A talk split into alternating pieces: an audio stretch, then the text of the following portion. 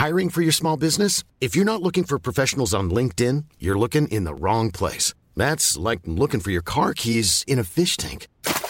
LinkedIn helps you hire professionals you can't find anywhere else, even those who aren't actively searching for a new job but might be open to the perfect role. In a given month, over 70% of LinkedIn users don't even visit other leading job sites. So start looking in the right place. With LinkedIn, you can hire professionals like a professional. Post your free job on linkedin.com slash people today. There's never been a faster or easier way to start your weight loss journey than with PlushCare. PlushCare accepts most insurance plans and gives you online access to board-certified physicians who can prescribe FDA-approved weight loss medications like Wigovi and Zepbound for those who qualify. Take charge of your health and speak with a board-certified physician about a weight loss plan that's right for you. Get started today at plushcare.com slash weight loss. That's plushcare.com slash weight loss. plushcare.com slash weight loss.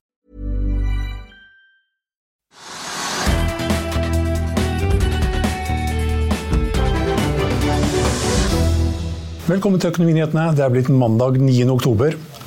Fra slutten av juli i fjor og frem til 4.9 i år falt Lifecare-aksjen 70% men så smalt den opp 235% i løpet av tre uker.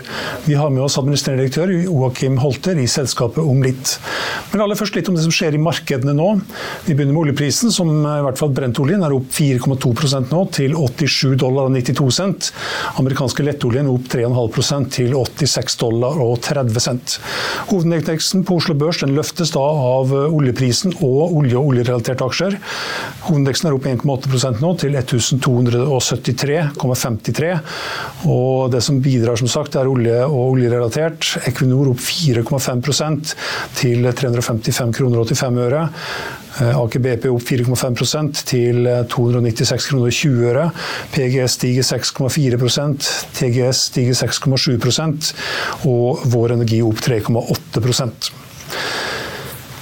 vi kan også ta med litt om hvordan det står til på børsene i Europa.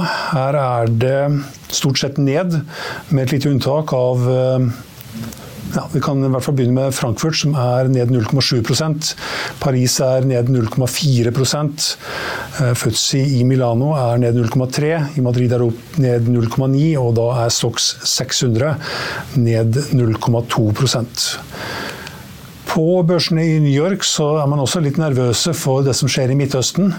Om terrorangrepet i Israel og krigserklæringen mot Hamas. Dow Jones ligger an til å åpne opp åpne ned, unnskyld, ned 0,5% men heller ikke mer.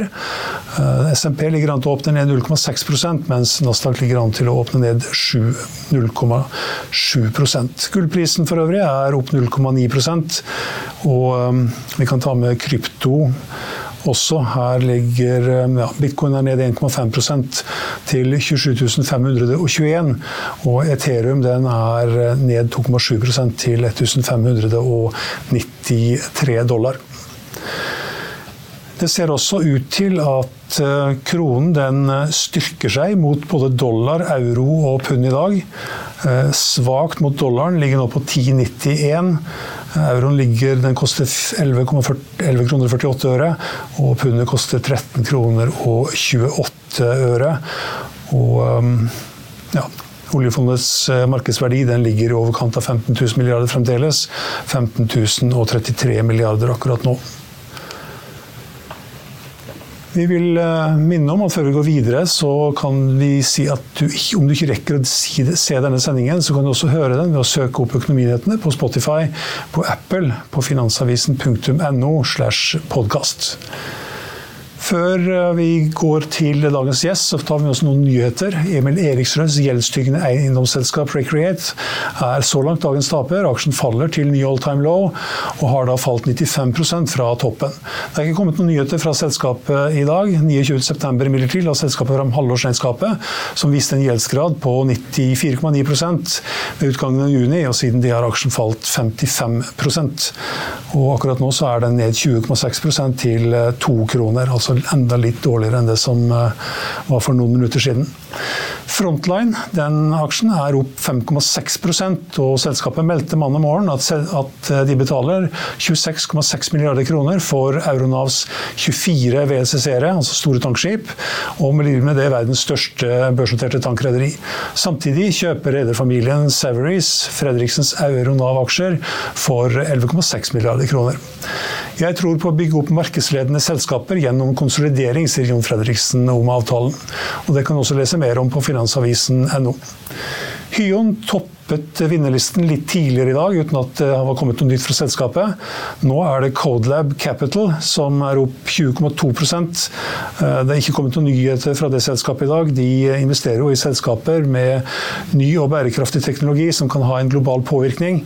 Eh, den aksjen er omsatt for 15 000 kroner. Du kan også ta med Rivertech som er opp 12,5% som heller ikke er noe store nyheter eller omsatt noe særlig i den aksjen. Eh, selskapet meldte jo 30.8 at eh, Hyon altså, at de skulle oppløse selskapet, men så dukket opp en mulig omkjøpskandidat. og Styret vurderte det til å være et bedre alternativ enn oppløsning. og Den siste måneden er aksjen da opp 126% og hittil i år er den opp, uh, unnskyld, hittil i år er den likevel ned 79 TGS meldte mandag om at selskapet forventet et markant hopp i driftsinntektene i tredje kvartal. og Aksjen er da som sagt en av vinnerne på Oslo Børs, med en oppgang i hvert fall blant de 20 mest omsatte, opp 6,5% nå til 145 kroner og 60 øre.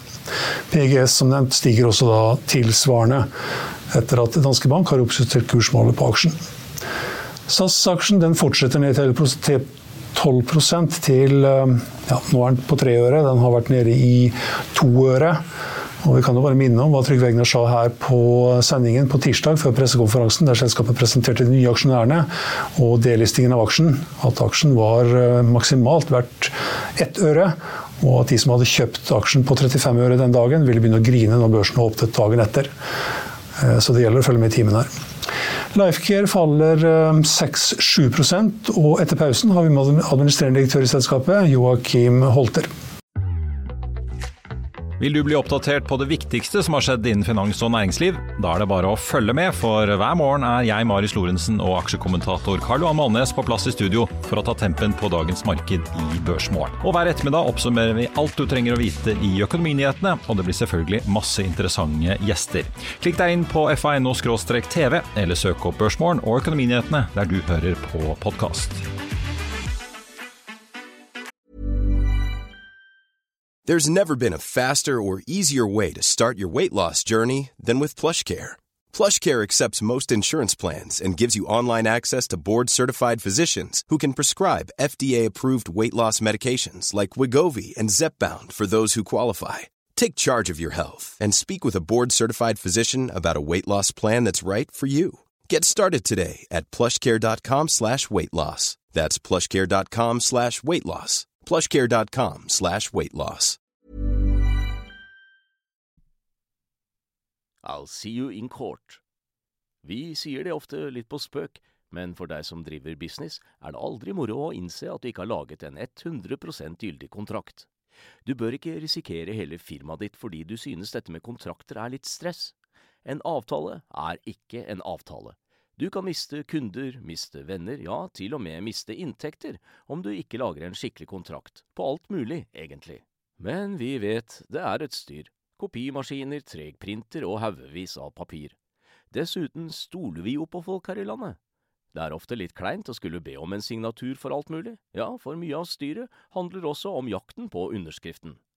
Det finnes en enkel måte å løse dette på, Dukkobit. En trygg, effektiv og get this gratis måte å sikre seg en god natts søvn pluss en juridisk bindende avtale. Dukkobit-appen har de strengeste sikkerhetskrav i bunn, samt en EU-godkjent og sertifisert teknologi. Framover vil det bli behagelig å spørre du, skal vi skrive under på det, eller? Kom i gang på dukkobit.no.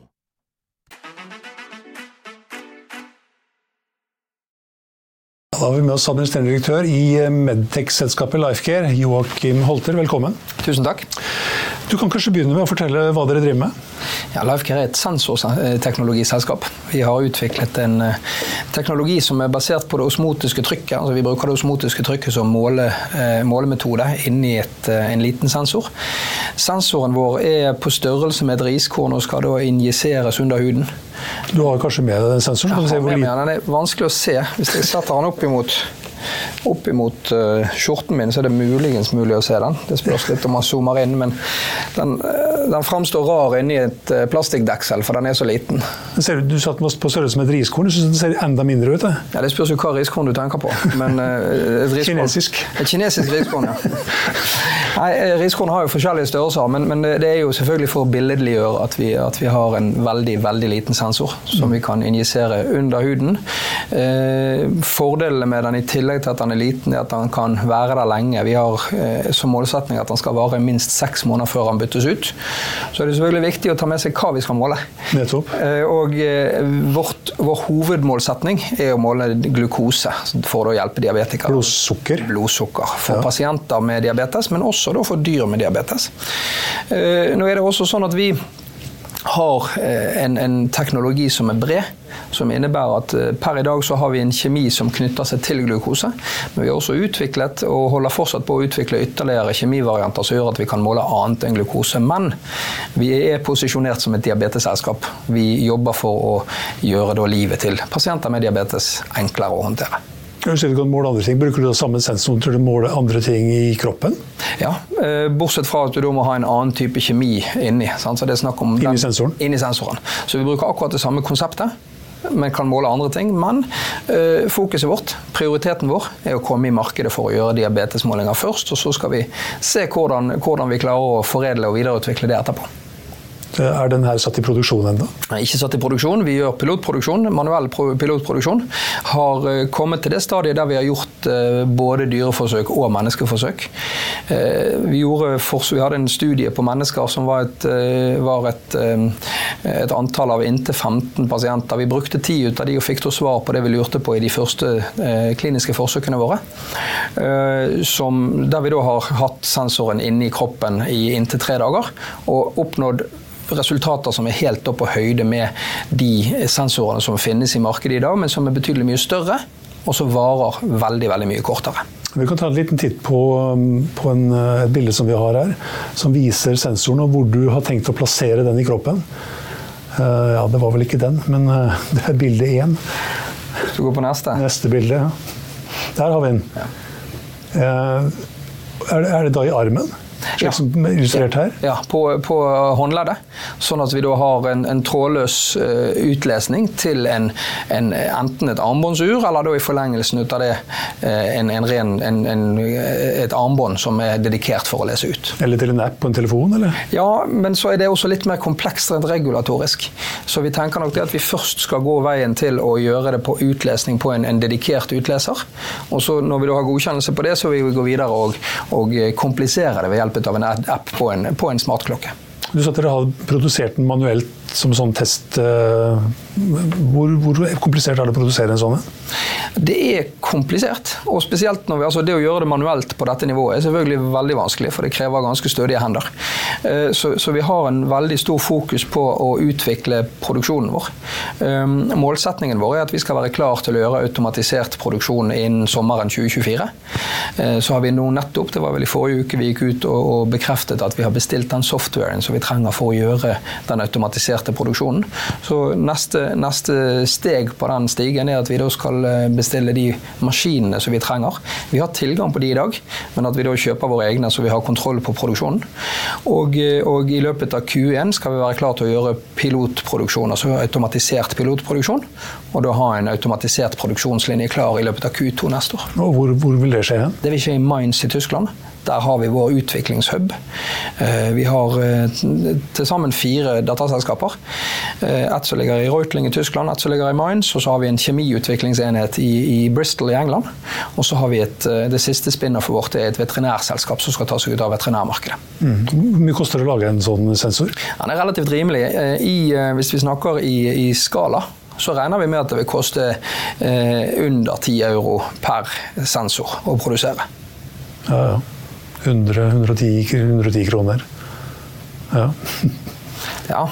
I, i skala, vel å merke. Men så, så det er klart at vi vet jo det at Abbott, f.eks., som er de største aktørene på markedet i dag med kontinuerlige glukosemålere som er plassert på utsiden av kroppen, de har en, har en årlig kostnad per kunde per pasient på ca. 1500 euro. Så sånn Forholdet mellom produksjonskost og, og potensialet for, for produktkostnad er, er bra. Hvordan plasserer den sånn eh, Den er jo liten, så du kan sikkert bare kjøre den inn med en sprøyte, men hvordan plasserer den inn i, inn i hånda? Eh, akkurat som du sier. Vi setter den i tuppen av en sprøyte, og så dytter vi den under huden. Mm, hvordan finner du den igjen? Da Nei, da må du enten ha et, et, et apparat for å gjøre det, altså at du, at du bruker røntgen eller den type ting, eller at du da kanskje kjenner den hvis du vil det. Ok, du, Men det høres jo litt, litt, komplisert å finne den igjen og ta den ut igjen? Ja, det er klart det er mer komplisert å ta den ut enn å sette den inn. Det er det ingen tvil om. Ja, Men eh, det er ikke meninga at man eh, Hvis jeg leser at den eh, skal vare i et halvt års tid, og du må ta den ut igjen? Eller? Ja, Det er jo et spørsmål som vi må diskutere med regulatoriske myndigheter når den tid kommer. Vi har sagt at den skal vare i minst et halvt år. Vi tror nok det at den kan vare betydelig mye lenger. Og på et tidspunkt så, spørsmål, så oppstår spørsmålet for så vidt om den skal tas ut eller ikke. Men dette med å ta ut sensorer er jo ikke noe nytt. Eh, kvinner som bruker p-staver, tar de ut. Eh, du har også for så vidt chipper så du kan låse opp en eh, Bruke som nøkkel og den type ting. Så det, det, er, ikke, det er ikke nødvendigvis rakettkunnskap og å ta ut en sensor som er i kroppen. Men det er ikke sikkert at den ligger der du har satt den inn? Nei, og det er en utfordring med alle sensorer som puttes inn. At man må sørge for at de ligger så stabilt som mulig. og Det har også betydning for vår utlesning.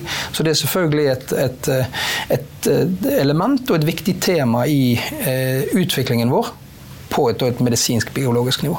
Mm. Dere har allerede fått noen eh, resultater fra kliniske studier. Hva, hva, sier de? I korte trekk så sier de at vi måler eh, glukose på like godt som eksisterende sensorer i markedet gjør. Uh, og, de eksisterende sensorene, hvor er de hen? De er, Utenpå, sikkert? De er på utsiden. Mm. Så type, vi har De to største aktørene er Abbott, som har en på overarmen. Så det er Dexcom, som har en som er, er, plassert på magen. Men der er det da sensorer som er på utsiden av kroppen, og som da varer fra syv dager av den, de korteste opp til 15 dager på det lengste. Så da er Abbott sitt, eh, sitt device. Hmm. Ja, ja. Da må, må, du skifte batteri hver 14. Eh, dag? Da, eller? Nei, hver uke eller hver 14. Da må du skifte hele sensoren. Så da, Den er limt fast på utsiden av kroppen. Og så må du da ta den av og sette inn en ny. Og Det er da en tynn nål som du knapt merker at du setter inn. Jeg tror nok at det er et større problem for de som bruker denne type sensorer, um, at de har den synlig til enhver tid. At den er på utsiden av kroppen. Så det, selve byttingen er nok ikke noe, noe, noe stort, uh, noen stor utfordring, men det å hele tiden ha den og oppleve stigma og bli minnet på det sjøl, er, kanskje større, en større sak. Uh, dere, dere, har målt noe som dere kaller for mean average of absolute error. Hva er det for noe? Ja, Det er forholdet mellom løpende eller kontinuerlig blodmåling og den målingen som vi gjør da, i den interstitielle væsken. Altså i vevsvæsken, for å si det på en enklere måte. Og da er det sånn at klinisk, eh, I klinisk sammenheng så ønsker man, eh, og fra regulatorisk standpunkt, så, så ønsker man at de målingene skal ligge mellom 5 og 10% i relativ forskjell mot blodmåling. 5 og 10 hva, hva, snakker hva slags avvik snakker vi om da? Mot øh, Jeg klarer ikke å kvantifisere avviket utover at det, er blodsukkeret? Ja, det er blodsukkeret. Okay. Målt i blod og målt i den vevsvæsken som vi bruker. Mm. Og det er markeds, både altså industristandarden, men også den kliniske standarden. Du blir først klinisk relevant og kan ta avgjørelser av medisinsk art når du ligger i den rangen mellom 5 og 10 mm. Så vår, uh, I vårt første kliniske studie så oppnådde vi en MARD, som vi kaller det, på 9,6% som er da innenfor uh, de forventningene som regulatoriske myndigheter måtte ha, og også da på linje med eh, konkurrentene, som alle da ligger i, i samme range. Mm. Hva, hva, kunne den vært? Eh, ja, hva kunne den vært?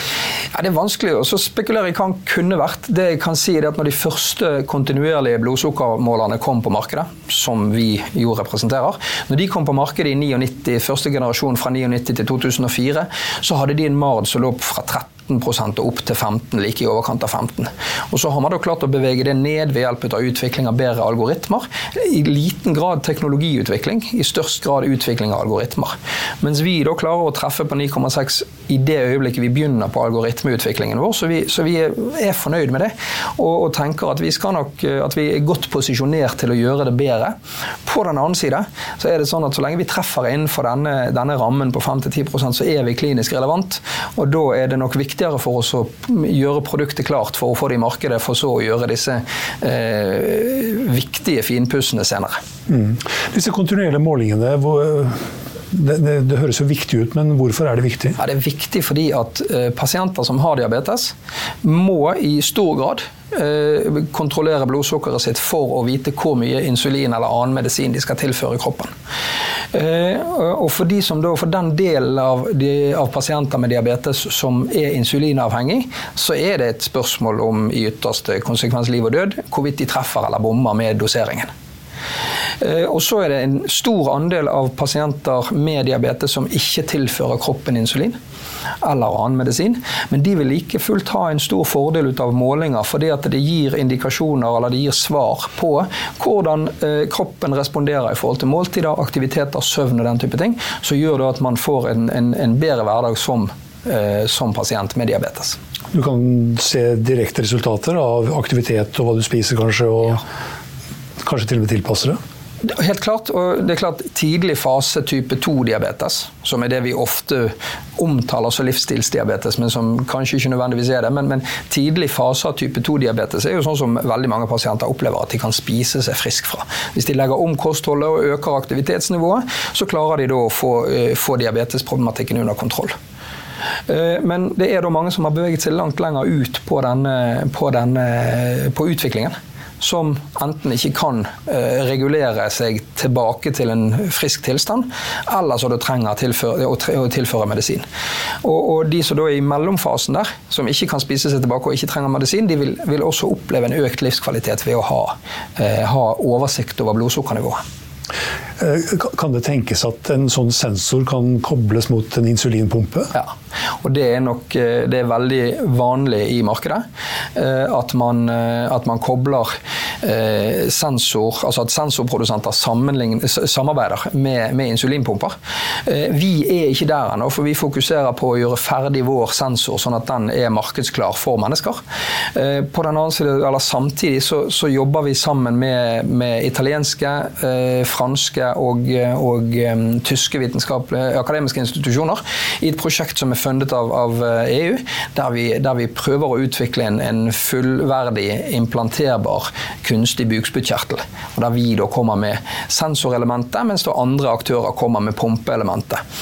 Um, det er et spennende prosjekt, og vi skal, eh, skal, i gang med eh, de første dyreforsøkene i den sammenheng i løpet av, i løpet av det fjerde kvartalet i år. Eh, du var for så vidt inne på det, men denne løsningen her består av mer enn en sensor? Ja, den består av mer av en sensor. Mer, mer, enn en sensor. Vi har på en måte det vi pleier å si at vi har tre unike teknologier inni sensoren vår. For det første så har vi det faktum at vi bruker det, det osmotiske trykket, som jeg nevnte ganske tidlig. At det er vårt, vårt sensorprinsipp. For det andre så har vi nanoteknologi, eller produksjonsmetode, som gjør at vi kan gjøre den så liten. Vi har trykksensorer som er på størrelse ca. 40 nanometer som, som, vi bruker til å lese ut selve trykket. Og så har vi kjemien vår som er viktig for å binde. sånn at Vi knytter vår kjemi til glukose, som, gjør at, som påvirker trykket inni et, et, lukket kammer. Det osmotiske trykket. Um, I tillegg til det så er det klart at på utsiden så må vi ha en utleser. Vi må ha en radiokommunikasjon fra sensoren, som da ved hjelp av kinetisk, kinetisk energi får energi til å sende signaler ut, og så må vi lese det på utsiden. Er, det, er, dette her innenfor det området vi kan få Internet of Things? IOT? Ja, hvis vi ser bort fra GDPR, muligens. Eh, men eh, altså, jeg tror nok eh, Internet of Things blir nok litt for inngripende, men, men ja, det er treffende også. Er det noe AI, artificial intelligence, i det her? Nei, vi, det, vi, har, vi, har, måte, vi har bestemt oss for at vi i utgangspunktet ikke går på en AI-bølge før, før, vi ser at vi kan rent faktisk gjøre bruk ut av det. Vi jobber selvfølgelig med Vi jobber primært med sensor og utlesning. Og vi jobber med algoritmer, men de må personifiseres. Så det, det, er kanskje det er et maskinlæringselement inni det, men ikke direkte AI. Men så er det interessant for oss å se på hvordan vi kan bygge videre, altså bygge produktet videre, og også da omfatte sluttproduktet til kunden. App-utvikler skal vi nok aldri bli, men det å bidra inn imot det med relevant AI ser, oss, ser, vi for oss at kommer til å bli relevant eh, i framtiden. Men foreløpig så fokuserer vi på kjerneoppgavene våre, og det er å få sensoren vår ut i markedet. Dere skal presentere nye resultater for kliniske studier 7.11. på en diabeteskonferanse. Kommer det noe nytt der? Ja, det er en bearbeiding av de, de, resultatene som vi har hentet og som vi allerede har begynt å publisere på. Det finnes, det finnes flere forskjellige uh, markeds, uh, altså uh, industristandarder som vi ønsker å måle på i forhold til nøyaktighet, i forhold til sensitivitet. Og, og vi har da tatt den videre fra hva vi tidligere har, har um, rapportert på. så det kommer ikke nye kliniske resultater, men det kommer nye tolkninger av våre kliniske resultater. Mm. Eh, dere har gjort en, eh, en sånn produktutviklingsavtale med Sanofi. Mm -hmm.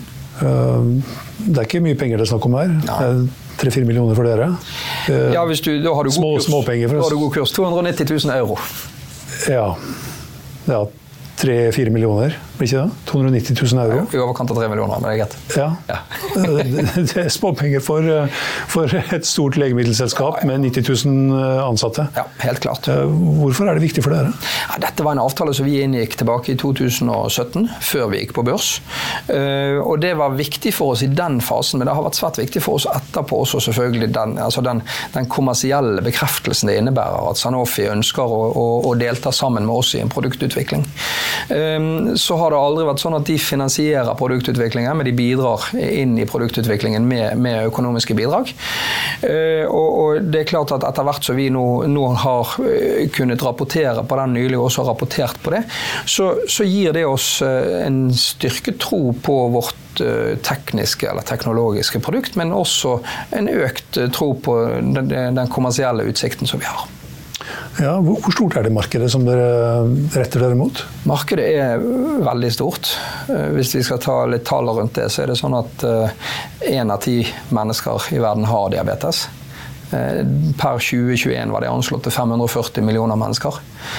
Ca. halvparten av de vet at de har diabetes. og De er da relevant. Og igjen ca. en tredjedel av de har behov for, eller bør, måle blodsukkeret jevnlig. Så da, da, sitter vi tilbake med ca. 90 millioner mennesker på verdensbasis som, som, er, som er, har eh, behov for å måle glukose, og som da er relevante som, som pasienter for, eh, for, for Lifecare. Um, og uh, nyere tall fra i år tilsier det at det er i overkant av 7 millioner brukere på verdensbasis som har tilgang på kontinuerlige glukosemålere. Så gapet, gapet der er relativt stort. Uh, selve markedet som sådan, markedet for kontinuerlige glukosemålere har vel en, en verdi per kvartal på i overkant av to milliarder dollar. Så det er stort. Eh, vi eh, har en målsetning om at vi skal, skal fange et sted mellom 3 og 5 ut av, eh, ut av det ikke totalmarkedet, men det aktuelle markedet. Sammen med Sanofi, da kanskje? Ja, vi ønsker vi, vi, Jeg pleier å si det at jeg håper at vi slipper å hente penger for å bygge en salgsorganisasjon og logistikkorganisasjon og markedsføringsorganisasjon. Vi, vi jobber for å inngå partneravtale med en, av, en eksisterende aktør. Så, så, vår interesse i glukosesensoren er at vi eier teknologien, vi har utviklet teknologien, og vi produserer sensoren. Og så er målsetningen at vi skal da gå på distribusjonsavtaler derfra. Mm. Hvordan ser konkurranse, konkurransebildet ut?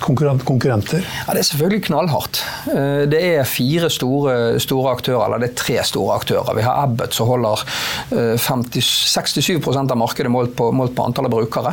Så har vi Dexcom som holder 23 mener jeg å huske det, antall, basert på antall brukere. Og så er det Medtronic som, som da ligger og vaker på rundt 7% så Det er våre, de store aktørene innenfor kontinuerlig glukosemåling. Men så er det klart at diabetesmarkedet er mer enn kontinuerlig glukosemåling. Så det finnes andre store aktører som ikke er på den listen med kontinuerlige glukosemålere, som bl.a. Sanofi, eh, som er, som er, viktige innenfor diabetes. Roche fra, fra, Tyskland er også viktige innenfor diabetes. Som, som har interesser innenfor blodmåling som også da kan tenkes å ha tilsvarende interesser innenfor kontinuerlig glukosemåling i, i vevsvæsken. Mm. For et uh, teknologiselskap så er det kanskje ikke 85 millioner kroner, men dere har svidd av 85 millioner kroner ja, siden 2006. Når skal dere begynne å tjene penger? Ja, Vi har faktisk svidd av 165 millioner siden 2006. Tapt? I brukt, ja. Investeringer. Jeg bare summerte underskuddet. Ja, nei da, siden 2006.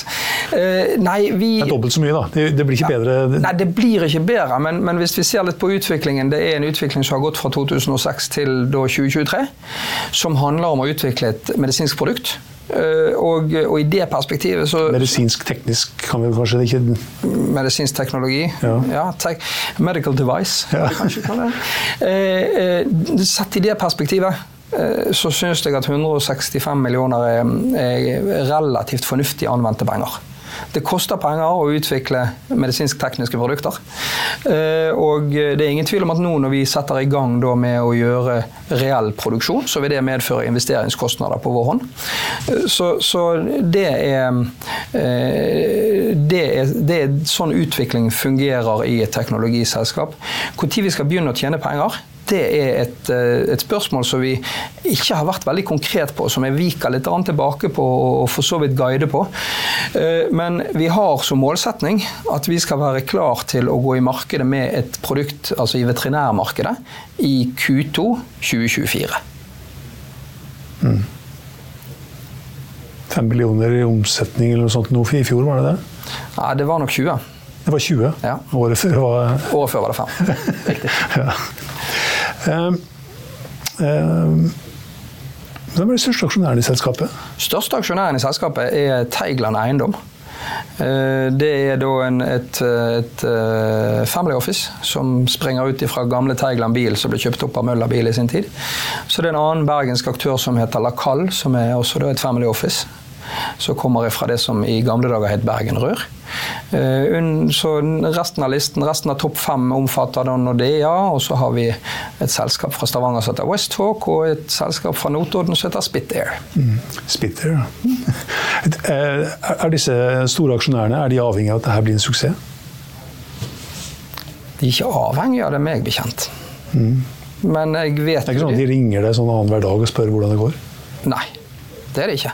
Jeg har en god kontakt med våre hovedaksjonærer. og Jeg eh, gjør det jeg kan for å holde dem informert før de ringer. Eh, de to største har vært med oss siden 2006, og det viser jo en ganske god stamina. Og er også et, en styrke for, for Lifecast og selskap at vi har den type stabilitet i aksjonærmassen vår. Du har jo ikke medisinsk bakgrunn. Ingen. Ikke teknologisk heller? Ikke det. Hvordan havna du i, midt oppi det her? Nei, jeg, har, eh, jeg, har, eh, jeg, kom inn i det gjennom et styreverv jeg hadde tilbake i 2011, der jeg da fikk, eh, fikk lov til å ta, ta sete som styreleder i Lifecare. Så har, da, har jeg sittet som styreleder og styremedlem, og i mellomtiden så, så har jeg jobbet med teknologiutvikling i et annet selskap i Sveits. Min egentlige bakgrunn er at jeg er jurist, så, så sånn sett har jeg ingen direkte sammenheng med det. Men jeg har lært ganske mye om teknologi over, over de årene jeg har jobbet innenfor teknologiutvikling i klesindustrien først, og nå innenfor medisinsk teknologi. Hvor mange aksjer har du? Og jeg har uh, i overkant av 1% 1,6 millioner aksjer, mener jeg det. Mm. Kjøper du mer, eller eh, er du fornøyd med det? Eh, jeg skulle eh, gjerne ha kjøpt med begge hender, men, men, det skal jeg også være litt forsiktig med som, som, som CEO i selskapet. Jeg, har, jeg, er fornøyd med min posisjon, og jeg har også selvfølgelig en, en opsjonspakke som, som jeg er fornøyd med.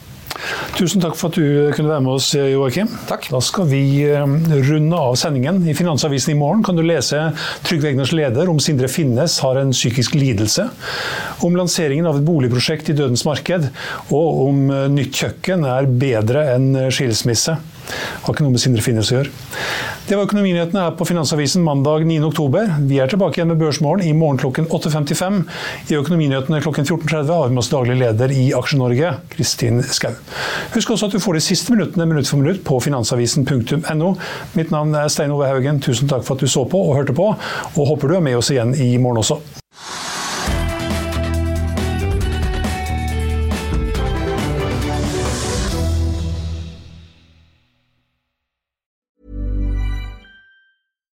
Here's a cool fact a crocodile can't stick out its tongue. Another cool fact you can get short term health insurance for a month or just under a year in some states. United Healthcare short term insurance plans are designed for people who are between jobs, coming off their parents' plan, or turning a side hustle into a full time gig. Underwritten by Golden Rule Insurance Company, they offer flexible, budget friendly coverage with access to a nationwide network of doctors and hospitals. Get more cool facts about United Healthcare short term plans at uh1.com. Hi, I'm Daniel, founder of Pretty Litter. Cats and cat owners deserve better than any old fashioned litter. That's why I teamed up with scientists and veterinarians to create Pretty Litter. Its innovative crystal formula has superior odor control and weighs up to 80% less than clay litter. Pretty Litter even monitors health by changing colors to help detect early signs of potential illness. It's the world's smartest kitty litter. Go to prettylitter.com and use code ACAST for 20% off your first order and a free cat toy. Terms and conditions apply. See site for details. Planning for your next trip? Elevate your travel style with Quince. Quince has all the jet setting essentials you'll want for your next getaway, like European linen, premium luggage options, buttery soft Italian leather bags, and so much more. And is all priced at 50 to 80% less than similar brands. Plus, Quince only works with factories that use safe and ethical manufacturing practices. Pack your bags with high-quality essentials you'll be wearing for vacations to come with Quince. Go to quince.com slash pack for free shipping and 365-day returns. Økonominyhetene er en podkast fra Finansavisen. Programledere er Marius Lorentzen, Stein Ove Haugen og Benedikte Storm Bamvik. Produsenter er Lars Brenden Skram og Bashar Johar. Og ansvarlig redaktør er Trygve Hegnar.